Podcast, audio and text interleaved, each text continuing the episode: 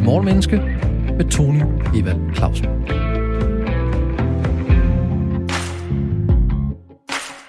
Da de andre forlod partiet, sagde han, at de var det.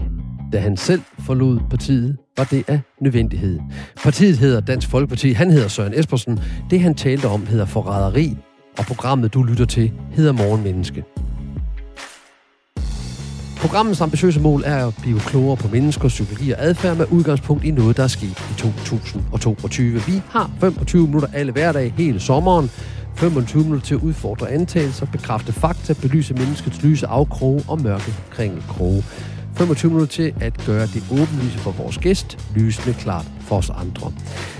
Stig C.S. Nielsen, musiker, sangskriver, foredragsholder, meningspersonlighed, en mand med mange meninger og få fortrydelser. Du har præcis 25 minutter til at gøre os klogere, både lytterne og jeg, på forræderi eller nødvendighed. Velkommen til, Stig. Tak skal du have. Lad mig starte med det nemme spørgsmål, nemlig, hvad er en forræder for dig?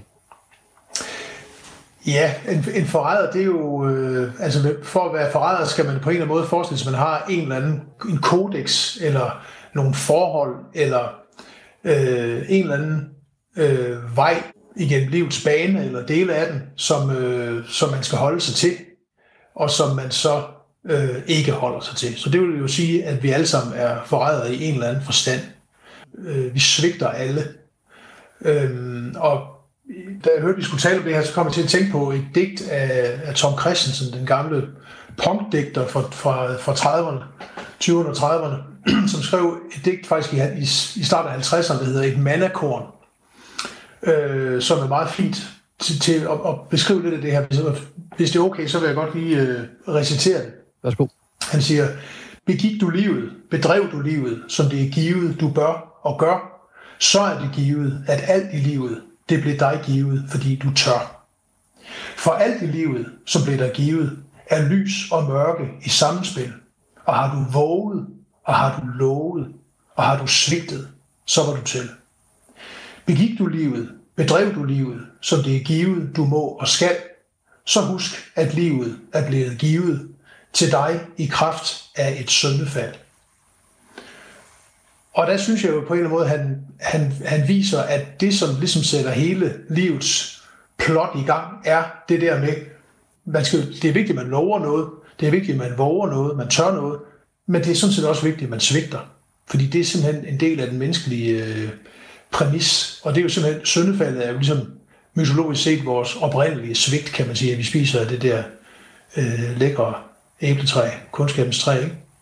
som sætter hele, hele historien i gang, kan man sige. Så i forræderiet ligger et indbygget svigt. Det er din konklusion. Så definitionen på forræderi, forræderi er, vi svigter et eller andet, vi har lovet os selv. Øhm, vi våger måske endda også at svigte andre, eller os selv, eller vores egne principper. Men der, der, der ligger noget positivt i det. Altså, der, der ligger noget andet i det end blot et forræderi eller et svigt. Der ligger en læring, fordi det, han siger i digtet, at du har levet, hvis du har våget, og hvis du har svigtet. Kan, kan du, kan du ja. den lidt op for os? Hvor, hvor, hvor, altså, jeg er ret sikker på, at de gange, jeg har følt mig svigtet, så har jeg ikke... Det kan godt være, at jeg har ikke været i tvivl om, jeg var live, for det gjorde mega nas, men jeg har svært lige at se, hvad der var positivt i det. Det kan, jeg, det kan jeg godt forstå, det kender jeg godt. Øh, og, og så synes jeg egentlig også godt, man kan have det, når man svigter. Men ikke det, altså det her, det tager jo udgangspunkt i det at svigte, mere end det tager udgangspunkt i at blive svigtet, kan man sige. Ikke? Øhm, Men det har jeg helt sikkert også gjort. Jeg, jeg har garanteret svigtet mine egne principper. Du, det har du sikkert også eller svigtet nogen, du elskede. Det, det har vi jo Absolut. Også ja, og det er jo ganske forfærdeligt, men ikke desto mindre er der jo en, princippernes vigtighed bliver også måske understreget af det i en eller anden forstand. Altså, hmm, lignelsen om den fortabte søn, der kommer hjem, efter han har hovedet og, og drukket alle, alle farens penge op. Ikke? Altså han, så, så bliver fedkalden slagtet, og så bliver ham, der ikke svigtede, han bliver fornærmet og sur og kommer til at fremstå som en rigtig bagstræberisk type. Øh, så svigtet giver på en eller anden måde også en, en vinkel på, på, på pligten, kan man sige. Ja, fordi man kunne, man kunne sige, nu startede jeg jo med at citere Søren Espersen, han har været meget ærlig omkring det, og fuldstændig lagt sig fladt ned og sige, at det er rigtigt, at øh, da de første forlod øh, Dansk Folkeparti, øh, og i den her blødning, de jo er, er inde i, der kaldte han det faneflugt, ja. og han kaldte det forræderi, og han er så blevet spurgt, om han så også selv er forræder, og, og ja, han, han ville måske hellere have kaldt det noget andet i dag end dengang, for der var han et andet sted i sin bevidsthed. Men om han har været forræder eller ikke, det vil han ikke rigtig forholde sig til, andet end han vil sige, at han havde ikke den information, han har i dag, og nu har han så gået ud af DF for mange områder, øh, på, af mange grunde og årsager. Det jeg godt kan lide ved ham, det er, at han, sådan, han, ligger, han ligger ikke skue på, at han kaldte dem det. Men er det et svigt i den danske politik, at de her mennesker forlader et parti, som de forlader Dansk Folkeparti lige nu? Altså, konservative har jo også prøvet det på et tidspunkt. Måske ikke lige helt så vildt som det her. Men at, at svigter de deres eget parti, når de, når de, når de går derfra? Ja, det gør de jo tydeligvis, men spørgsmålet er selvfølgelig, hvem de, om de er tro over for noget andet, som er, som er vigtigere for dem end det parti, kunne man sige. Det er jo selvfølgelig lidt noget andet end, end det der med søndefaldet, og det med den fortabte søn, som jo mere handler om en svag karakter, eller det handler om, at man bliver fristet. Ikke? Per Gasker synes at de er nogle tøsdrenge. Hun har i hvert fald kaldt Christian Tusinddal for en tøsdreng. Ja, det siger hun jo. Ja, ja, det er hun så ikke den første, der har gjort, kan man sige. Men, øh,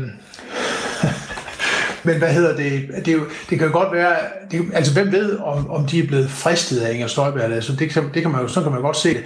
Men man kan også se det sådan, at de er øh, en eller anden personlig overbevisning vælger at, at, at, at forlade partiet, fordi der er noget, der er vigtigere, der er nogle principper, der er vigtigere for dem, end at stå last og bræst med deres gamle parti, og at deres egne øh, holdninger og hvad skal man sige, deres politiske øh, muskelstyrke kan komme bedre øh, til, til, til sin ret andre steder. Det kan godt være, at de vil sige det. Fordi det ligger nemlig i svigtet, eller i forræderiet, at det, jeg kalder forræderi, kalder, eller det som Pia og, øh, og Messersmith kunne kalde forræderi over mod dem, der gik, det kalder Søren Espersen selv en nødvendighed. Det var nødvendigt for ham at, at ja. beslippe. Så ligger der i svigtet også, at der er mere til verden end sort-hvid? Absolut. Altså det er jo ligesom en oprør. En oprør, er han en, øh, en, øh, øh, en forræder, eller er han en, en patriot? Ikke? Altså det kan man jo, det kommer jo an på, hvad for en, hvad for en banehalvdel man ser det fra. Ikke? Og der ligger meget vrede. Vi er jo typisk meget vrede, når vi kalder folk for forrædere. Øh, altså, der, der er meget vrede, der er meget had, der er meget eksplosion i at sige, at nogen er en forræder. Den ultimative forræder, det er jo Judas. Altså, han er jo lige så kendt som Jesus. Ja. Men hele opstandelseshistorien, den afhænger faktisk af, at vi har brug for en Judas. Der er, der, der er en, der skal, der skal svigte Jesus, for ellers så bliver han ikke øh, hængt op på korset. Så er, er forræderien nødvendig? Han er agent, en nødvendig agent, kan man sige. Ja, så måske skal vi i virkeligheden være taknemmelige på nogle forrædere. For eksempel Judas. Jamen det er jo, altså det er der jo skrevet mange bøger om, ikke? Altså, og det er jo, nogen vil jo selvfølgelig vil jo sige, at det skal vi ikke, og han er, der er ingenting i det andet, end at han var, for, han, han var en svag karakter og forræder, men han er jo også en interessant skikkelse, fordi, fordi hvad er det, der får ham til det? Hvad er det, hvad er det i hans verden? Øh, de 30 sølvpenge, det kan jo ikke være dem alene, kan man sige. Øh, den, den sidste fristelse, eller The Last Temptation of Christ, tager netop udgangspunkt i, at, at det er Judas, i modsætning til, til Simon Peter, der er Jesus bedste ven. Øh, og, og så er det den der ved, at det er den bedste ven, der skal svigte. Ikke? Og der ligger en eller anden, en eller anden meget ubehagelig tendens i det. Altså, det, der er masser af eksempler på, altså Jesse James blev også svigtet af, af Robert Ford, som ikke, måske ikke var hans bedste ven, men dog en, en af hans sådan betroede øh, samarbejdspartnere. Ikke? Og, og, og Brutus, øh, Cæsars øh, plejesøn, altså det, det, er, det, er, det er ligesom sådan et klassisk motiv, ikke? at den, det er den, der er tættest på, der, der forrår. Og så i erkendelse af det, siger, siger Nietzsche så, en rigtig ven er ham, der stikker dig ned forfra. Og det, det, så, det kan man så så er man langt ind i de, i de kyniske erkendelser i hvert fald. Jeg tror, det var Mark Twain, men det, det er stadigvæk godt citat. True friends stab you in the front. Er det ikke Nietzsche, der siger det? Det er også det er muligt. Ved du hvad, det skal vi ikke... Det er også lige meget.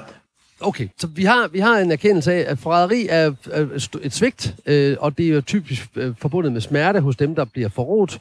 Det er typisk med smerte hos os, der bliver svigtet, hos dem, der bliver svigtet. Men det kan hos den, der svigter, opleves som en nødvendighed. Så det er, det, det er to sider af den samme sag, men det er to vidt forskellige sider. En nødvendigheden og en, en smertens barn, altså et forråd, en faneflugt, et forræderi. Jeg tror du, det er historien, forræder fortæller sig selv om deres forræderi? Hvad fortæller folk om deres forræderi? Der er jo masser af berømte forrædere. Måske endda også øh, nogen fra Dansk Folkeparti eller, eller andre partier i øjeblikket. Ja, hvad, skal man, hvad, hvad fortæller man? Altså, et, nogle ting, der er det jo så tydeligt, at det var en, en, en eller anden form for øh, fristelse, der gjorde det, som ikke kan retfærdiggøres, men som bare ligesom tager udgangspunkt i en eller anden en svag karakter, eller en, øh, ens drifter fyldt for meget, eller et eller andet. Ikke? så er det jo svært at bortforklare. Det kan man selvfølgelig godt prøve at gøre. Altså kan man forbyde de tre spor, jeg lover dig, så var vi i kærlighed på mere ærlig vej, siger Paul Henningsen jo i hans forsøg på at bortforklare svigt. Øhm, det synes jeg er lidt en lunken bortforklaring. Men altså, hvis man, man kan jo godt være redelig. Altså, man kan jo godt altså, jeg er meget nødt til at sammenligne dem, der forlader Dansk Folkeparti lige nu med modstandsbevægelsen under, under besættelsestiden, så det er, ikke en, det er ikke en parallel på den måde. Men, men de blev jo faktisk betragtet som, altså både, hvad hedder han, Skavenius og Bull, talte jo om sabotørerne som, land, som landsforrædere, ikke? De så, de så jo så landet, eller Danmark, som noget, der var dybere, noget, de havde, de havde et klare billede af, hvad Danmark var, end bare det, statsministeren sagde mente det. Og så må de jo så være tro over for det. Og der i ligger nok også noget af det, som, som forræder fortæller sig selv, for jeg tror ikke, altså dem, der oplever, at jeg har forrådt dem eller svigtet dem, de, de har jo en oplevelse af, at jeg forræder, men jeg har måske ikke en oplevelse af mig selv som værende forræder.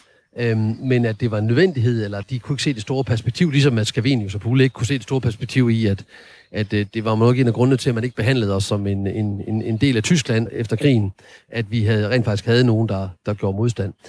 Men når vi nu kigger på de mange fortællinger, du snakkede om Jesse James, du, vi har snakket om Judas nu, der er mange fortællinger om forrædere.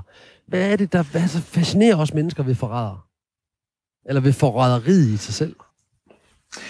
Jeg tror, det er fordi, det ligger, det ligger til os. At det, det er sådan en forbudt trang, vi har. Altså, det, det, jeg tror, det er, det er frygten for at komme til at gøre det. Så på den måde, så er der noget katarsis i det. Altså, at vi ved at beskæftige os med det, så, så genlever vi det forræderi, vi så måske selv ikke behøver at begå. Øh, det kan der, kunne der måske ligge i det. Øh, og så ligger der selvfølgelig, at de erfaringer, vi alle sammen uværligt har, øh, af at være forræder og at blive for, forrådt, som vi også, så det, det taler direkte til os, fordi vi, vi kan jo ikke, altså vi, vi ved godt, der er, der er en uh, the straight and narrow, det, det ved vi alle, vi har som regel alle sammen et eller andet moralsk kompas, håber jeg da, men vi ved også alle sammen godt, at vi ikke kan efterleve det så meget, som vi gerne vil, eller så, så, så klart, som vi gerne vil. Ja, fordi Stig, du startede udsendelsen med at fortælle os lidt om, hvad jeg bad dig om at definere, hvad, hvad er forræderi for dig? Og så sagde du, jamen det er noget med, at man har et kodex, man har et forhold, en, en vej, man går til, der, der er nogle regler, og så går man ud af vejen, man går væk fra, fra stien. Nu sagde du også the straight and narrow, altså den lige, smalle vej, dydens vej, bliver, hedder den jo også på dansk. Så, så fræderiet, en del af svigtet af fræderiet er, at vi, holder, vi bliver fristet til det, der ligger uden for, for dydens vej. Og det lyder også som om, at det uden for dydens vej er mere og lækre, end det, der er på dydens vej. Så der er noget, vi bliver fristet af og deri viser vi en svag karakter. Ja. Og det ligger jo også i hele fortællingen om syndefaldet, altså om den kristelige fortælling om, om kundskabens træ, og at vi spiste af det her æble, fordi det var lækre, fordi at slangen sagde, at vi skulle, og så så vi, at vi var nøgne, og så skammede vi os over selv, og deri ligger syndefaldet og blev smidt ud af himlen. Så hvad er der på den anden side, der er så attraktivt ved fristelser, der gør, at vi har svigter vores egne løfter, eller vores egne skaber i til syndefaldets historie? Der tror jeg simpelthen ligger det, der gør os til mennesker. Fordi jeg tror ikke, dyr kan være forrædere. Altså det er simpelthen vores selvbevidsthed, der ligger i det. Altså jeg tror på en eller anden måde, vores, vores selvbevidsthed skal holdes, skal holdes stangen for at undgå, at vi overhovedet bliver forrædere i forhold til det, det, det kodex der. Men selvfølgelig er det så i næste position vil så være, at, at vi via vores selvbevidsthed, til trods for vores længsel efter utroskab og forræderi osv., alligevel tvinger os selv til at blive på øh, dydens smalle vej, for nu at sige det på, en, på sådan en lidt lummer måde. Så når vi er på dydens smalle vej, så, så lider vi afsavn af de fristelser og stimuli, der måtte ligge uden for dydens fredeste vej, og derfor har vi vemmelse på dem, der ikke kan modstå fristelsen fra æblet, eller fra de hurtige 30 penge, eller, eller fra at blive valgt ind i Folketinget sammen med Inger Støjberg til næste valg. Ja, ellers så spejler vi os i kan man sige. Ja, og det er nemmere at, at slå på dem, end det er at slå på os selv. Det kan jeg godt se. Og, og når vi kigger hen over litteraturen, så er der masser af arketyper på forræderi. Øhm, altså, Hans og Gretes far svigter jo dem. Der er jo et kæmpe svigt i at føre dem ud i skoven, og så lade den være der, og så tage hjem. Jeg ved, vi snart før udsendt lidt om rødhætte, hvor du mener, at rødhætte svigter og for, forræder over mod sin mor. Prøv, prøv, prøv at åbne den op for vores lyttere. Ja, i modsætning til Hans og Grete er, er rødhætte jo en, en mere sådan klassisk opbyggelighedshistorie, der handler om, at man skal, du skal gøre, hvad din mor siger. Og moren siger, at du må ikke gå ind i skoven, når du nu går hen til bedstemor med kurven, med, med mad og drikke. Øhm, og så ser Rødhed jo de her smukke blomster inde i skovbunden, og forlader vejen, døden smalle vej, og går ind i skoven, og ser nogle blomster, der er endnu smukkere længere ind i skoven, og helt ind i skoven, og møder så ulven, og fortæller ulven, at hun skal hen til bedstemoren osv. Øh, og det er jo sådan en fristelse, der ligger selvfølgelig alt muligt, alt muligt erotisk i det også, det er klart. Men øh, Rødhættes længsel efter de smukke blomster får hende jo til at ikke at høre efter, hvad hun havde lovet sin mor. Men det siger jo noget vigtigt om, hvem Rødhed er. Det siger noget vigtigt. Det forstår vi jo godt, kan man sige. Ikke? Ja, så, fortæller, så møder hun ulven og fortæller ulven, hun skal hen til sin bedstemor, og så løber ulven på forhånd derhen og æder bedstemoren for også at æde øh, rødhed. Ja. ja det, det, det, er sådan, historien er. Og for reddet det ligger i, hun ikke har hørt efter, hvad mor sagde. Så, så de små børn skal lære at uh, høre, hvad mor siger. Ja, præcis. Det er jo det, men, men, men er det det, de lærer af historien? Det er det jo ikke, fordi når vi bliver ved med at fortælle historien, er det jo også fordi, vi, at vi at vi, at vi virkelig forstår, hvorfor hun går ind i den der skov. Ikke? Altså, og så er vi jo så også glade for, at, at jæger kommer til sidst og, og sprætter ulven op. Så det, det gik jo alligevel alt sammen. Der ville ikke være noget plot, hvis det ikke havde været for det. Det var det, jeg prøver at sige. Ja, Ligeså vel som der ikke ville have været noget plot i Bibelen, hvis det ikke havde været for syndefaldet. Tjek. Der har, der, det har været meget tynd bog, det du mener. Både en meget tynd historie og ja. meget, meget tynd bog. Ja. Så lader man lige fange dig, fordi så, hvis det var Ulmen, der skulle besøge sin bedstemor, så var den aldrig gået ind i skoven, som Rødhård gjorde. Er det, du siger, når du siger, at dyr ikke kan være forræder? Hvis ulvens? Ja. Mm, ja, nu er den her ulv jo lidt særlig, kan man godt sige. Det er muligvis en form for vareulv. Det ved jeg ikke, men øh, jamen, dyrene gør jo bare det, de skal hele tiden. Ikke? Og dyrene ved formodentlig ikke, at de skal dø. Det hænger nok også sammen med det. Altså det, det, på en eller anden måde er det nok forbundet med vores, vores svigt at vi, at vi er bekendt med. Jeg kan ikke lige fuldstændig redegøre på, hvordan det hænger sammen, men det, jeg tænker, det må hænge sammen på en eller anden måde. Ja, det, det, det er jo ret vigtigt det her. Vi starter med at snakke om en, en vej, der er dydens vej. Et kodex, vi har, en, en, nogle regler, vi har, som vi afviger fra. I det øjeblik, vi afviger fra reglerne, det kunne være et løfte, det kunne være hvad som helst, så er vi faktisk mere mennesker. Det er det, der gør os til mennesker. Det er jo det, de digt sagde. Det gør os til mennesker, at vi ja, både ja. lover, og, og vi ikke holder, hvad vi lover. Det er det, der gør, at så, så føler vi virkelig, at vi har levet. Så der er noget med, at vi følger ikke reglerne, vi gør noget andet end reglerne. Det er et forræderi, det er et svigt, men der ligger også en gave til os i det, fordi vi oplever os selv på en ny måde. Samtidig med det, så ligger der noget død i det også, at hvis vi, det, det er vidsheden om, at vi har en, et endeligt, at det ophører, det giver jo meget god mening.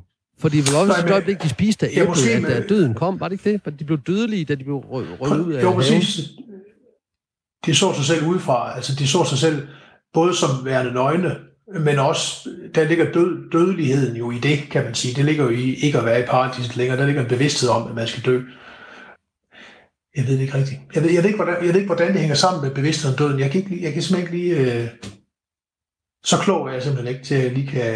Nej, jeg tror, der er fat i noget, jeg ved ikke, om det har noget med klogskab at gøre, men det har noget at gøre med, at det, det, er, nogle, det er nogle tunge ting, vi har fat i. Men det, er, det er fordi, vi, det er jo igennem at forstå ja. de her store historier, vi skal forstå nutiden. Når vi, når vi kigger på en Søren Espersen, en Marie Krarup, en Isabella Arndt, en Claus Hjort, en Lars Lykke, en Finsten, altså hvor vi kigger på, hvis vi nu tager Claus, øh, Claus Hjort og, og Finsten først, der begge to bliver anklaget for landsforræderi. Det må være noget af det værste, man kan blive anklaget for.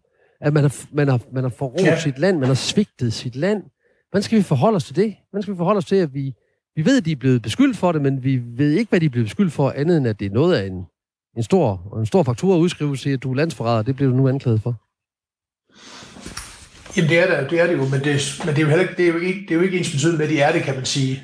Øh, altså hvis de, selv, hvis de ikke selv mener, at de er det, hvis de selv i, i fuld overbevisning vil sige, at de, at de sådan set bare har, har gjort det rigtige, så kan man jo godt beskylde dem for at være det osv., men det kan jo godt være, at de mener, at de har, at de har gjort det rigtigt selv. Altså, rent filosofisk er det jo ikke, er det jo ikke nødvendigvis landsforrædere, for det kommer jo an på deres egen billede af det. Altså, men vi kan jo aldrig nogensinde mere nævne hverken Finsen eller Claus... modstandsbevægelsen igen. Ja, nemlig, fordi vi kan aldrig nogensinde nævne hverken Claus Hjorts eller Finsens navn i konteksten af de personer, uden også at nævne, at de blev anklaget for landsforræderi. Tror du ikke, det hænger ved dem resten af deres liv?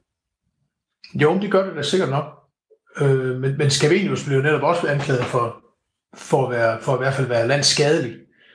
Og, og det er jo sådan en diskussion altid, man vil, man vil tage omkring ham i mange øh, årtier frem. Ikke? Altså, Øh, fordi at han er jo så begyndt at blive taget til noget nu her af, af nogle historikere. Det er... Var det ikke, var det ikke om Scavenius, at øh, Stavning sagde, da han blev spurgt ad, øhm, om han ikke var tyskervenlig, øh, Scavenius, og så svarede Stavning, øh, jamen han er overhovedet ikke venlig. det hjælper lidt på det. Og for dem, der ikke måtte vide, hvem Scavenius er, så var han udenrigsminister under besættelsen, øh, under den tyske besættelse. Ja, jeg, så, jeg så engang et, et, et uh, interview med Bob Dylan, hvor han, hvor han blev spurgt, hvordan han især i starten af sin karriere kunne øh, ligesom rumme, at han altid løg over for pressen. Han har altid haft et, et besværligt forhold til pressen. Han havde bundet pressen en masse historie på ærmerne, så sagde han, ja, men altså, så lang tid du ikke lyver over for dig selv og vor herre, så kan det være lige meget, hvad du siger til andre. Øh, og, og et eller andet sted vil jeg da tro, at Claus Hjort for eksempel ikke mener, at han har Ja, det ved jeg faktisk ikke. Det, jeg kender ikke Claus Hjort. Det, kan godt, det, det skal jeg ikke kunne sige. Men altså, man kunne godt forestille sig, at han faktisk mener, at han, han har været tro over for sin egen, sin egen kode, sin eget kodex i det, han har foretaget sig. Det, det, det kan jeg så fortælle, og det har han i hvert fald udtalt sig, han har. Han mener ikke, han har gjort noget. Han ja. vil heller ikke vide, hvad det var, han, han skulle have gjort. Altså, han mener ikke, han har gjort noget som helst forkert. Vi ved ikke noget om Finsen. Han har ikke rigtig udtalt sig. Men han har sagt, at han gerne vil have, at det bliver offentligt. Så hvordan skal vi forholde os til landsforræder? Er der, er der, er der, er, findes der, ved du hvad, her til sidst, det kunne jeg godt tænke mig at høre dig. Findes der et godt forræderi? Findes der et forræderi, hvor du siger, at det var fandme et godt forræderi, det var positivt forræderi? Hmm, ja, det, det synes jeg da, hvis, hvis at noget, noget skal jo... Hvem var det, der sagde, at når man, når man erkender noget nyt, så skal man altid, så føles det altid, som om man har svigtet det, man troede, man vidste før det er jo en dynamisk størrelse. Altså hvis der er noget, der holder en fast i noget, der ikke er sandt og ikke er gavnligt, så, så skal man jo på en måde for, forrå det for at, for at opnå en, en sandere position. Okay, det er sjovt. Det, det er jo interessant, det der. Fordi det jo noget rigtigt i, at der var en gang, jeg havde den her mening, jeg havde den her holdning, jeg havde den her øh, selvindsigt om mig selv. Nu er jeg blevet klogere, men så forrår jeg jo egentlig min tidligere position. Ja, og dem, dem man var venner med i kraft af den, kunne man sige. Og så svigter man, så man svigter sit tidligere jeg? Ja. Ja, i en vis, i vist omfang i hvert fald. Det er jo, nogle gange vil, vil, vil det jo ikke være det. Nogle gange vil, vil det tidligere jeg jo kunne følge med. Øh, men det kan måske være nogle forudindtagede opfattelser af det tidligere jeg. I første omgang, det bliver svigtet. Men det kan jo også godt være, at man simpelthen, altså det man kunne kalde en omvendelse, det er jo simpelthen, at man, at man, man man tager en anden vej, og så svigter man jo den vej, man, man var på før. Ikke? Altså Paulus, kunne man sige. Ikke? Øh, for eksempel, eller man kunne, altså, så meget, det, det kunne være så mange. Ikke? Og, det, og det, det, er der, det, det tror jeg også, at man som menneske skal være klar til, ellers så bliver man bare forstenet. Nå, men det giver meget god mening, når vi nu snakkede vi om, om Søren Espersens forræderi, eller det modsatte i forhold til Dansk Folkeparti, at, at han har måske den samme mening, han hele tiden har haft, eller han har fået nye meninger, nye holdninger, og så kan han ikke have den mening og den holdning i det parti, han er i. Det giver måske også meget god mening i forhold til Isabella, uh, Isabella Arndt, der, der, der, for, krist, for kristendemokraterne, der, der vælger at, at sige, jamen jeg flytter, jeg flyttet, jeg kommer til en ny erkendelse, der passer bedre til, til konservative end til kristendemokraterne, eller eller, eller, eller Lars Lykke, der synes, at han, han har en bedre erkendelse og en, og en anden mening over i Moderat, hvilket han jo grundlæggende også har. Han i hvert fald siger noget andet nu, end da han øh, selv var statsminister, undtagen til aller, aller, aller sidst øh, i sit statsministerskab. Ja, ja, det er det. Ja, så er der Karl Jespersen, det er jo det klassiske eksempel, ikke, som har bevæget sig fra, fra venstrefløjen, så helt, helt over på højrefløjen, og sagt, jeg har altid ment det samme, det er bare verden, der har ændret sig. Og, og det, kan man, det kan man jo godt grine af, men, men altså på en eller anden måde er der måske også en, en, en, en, en fli af noget, af noget sandt i det, altså. Så der, på den måde kan, kan forræderi jo sagtens være positivt, nemlig at det er også en vej til en ny erkendelse. Og måske er det også det, vi er lidt bange for, de nye erkendelser. Men i hvert fald, således formidlet og forhåbentlig beriget, gik vi sammen på efterforskning i det her med forræderi eller nødvendighed. Tak til vores meget tænksomme tiltaler og altid talentfulde gæst, Stig C.S. Nielsen, musiker, sangskriver, foredragsholder, meningspersonlighed og en mand med mange meninger og få fortrydelser. Og måske også få forræderier. Det ved jeg ikke. Har du forrådt nogen for nylig? Jeg, jeg, jeg tror nok, jeg har formodentlig både gjort mig skyldig i forræderi baseret på ren, øh, ren svag karakter og forræderi, hvor jeg, hvor jeg vil stå på mål for det i dag også. Men det behøver vi ikke at komme, komme nærmere ind på. Men tak fordi du deltog. Selv tak. Selv tak. Du kan høre meget mere Morgenmenneske på den app, Radio 4 har lavet kun til dig, eller der, hvor du lytter til dine podcasts. Programmet er produceret af Only Human Media. Jeg hedder Tony Eva Clausen, og det vil være en slags forræderi over for mine forældre at lave om på det. Vi høres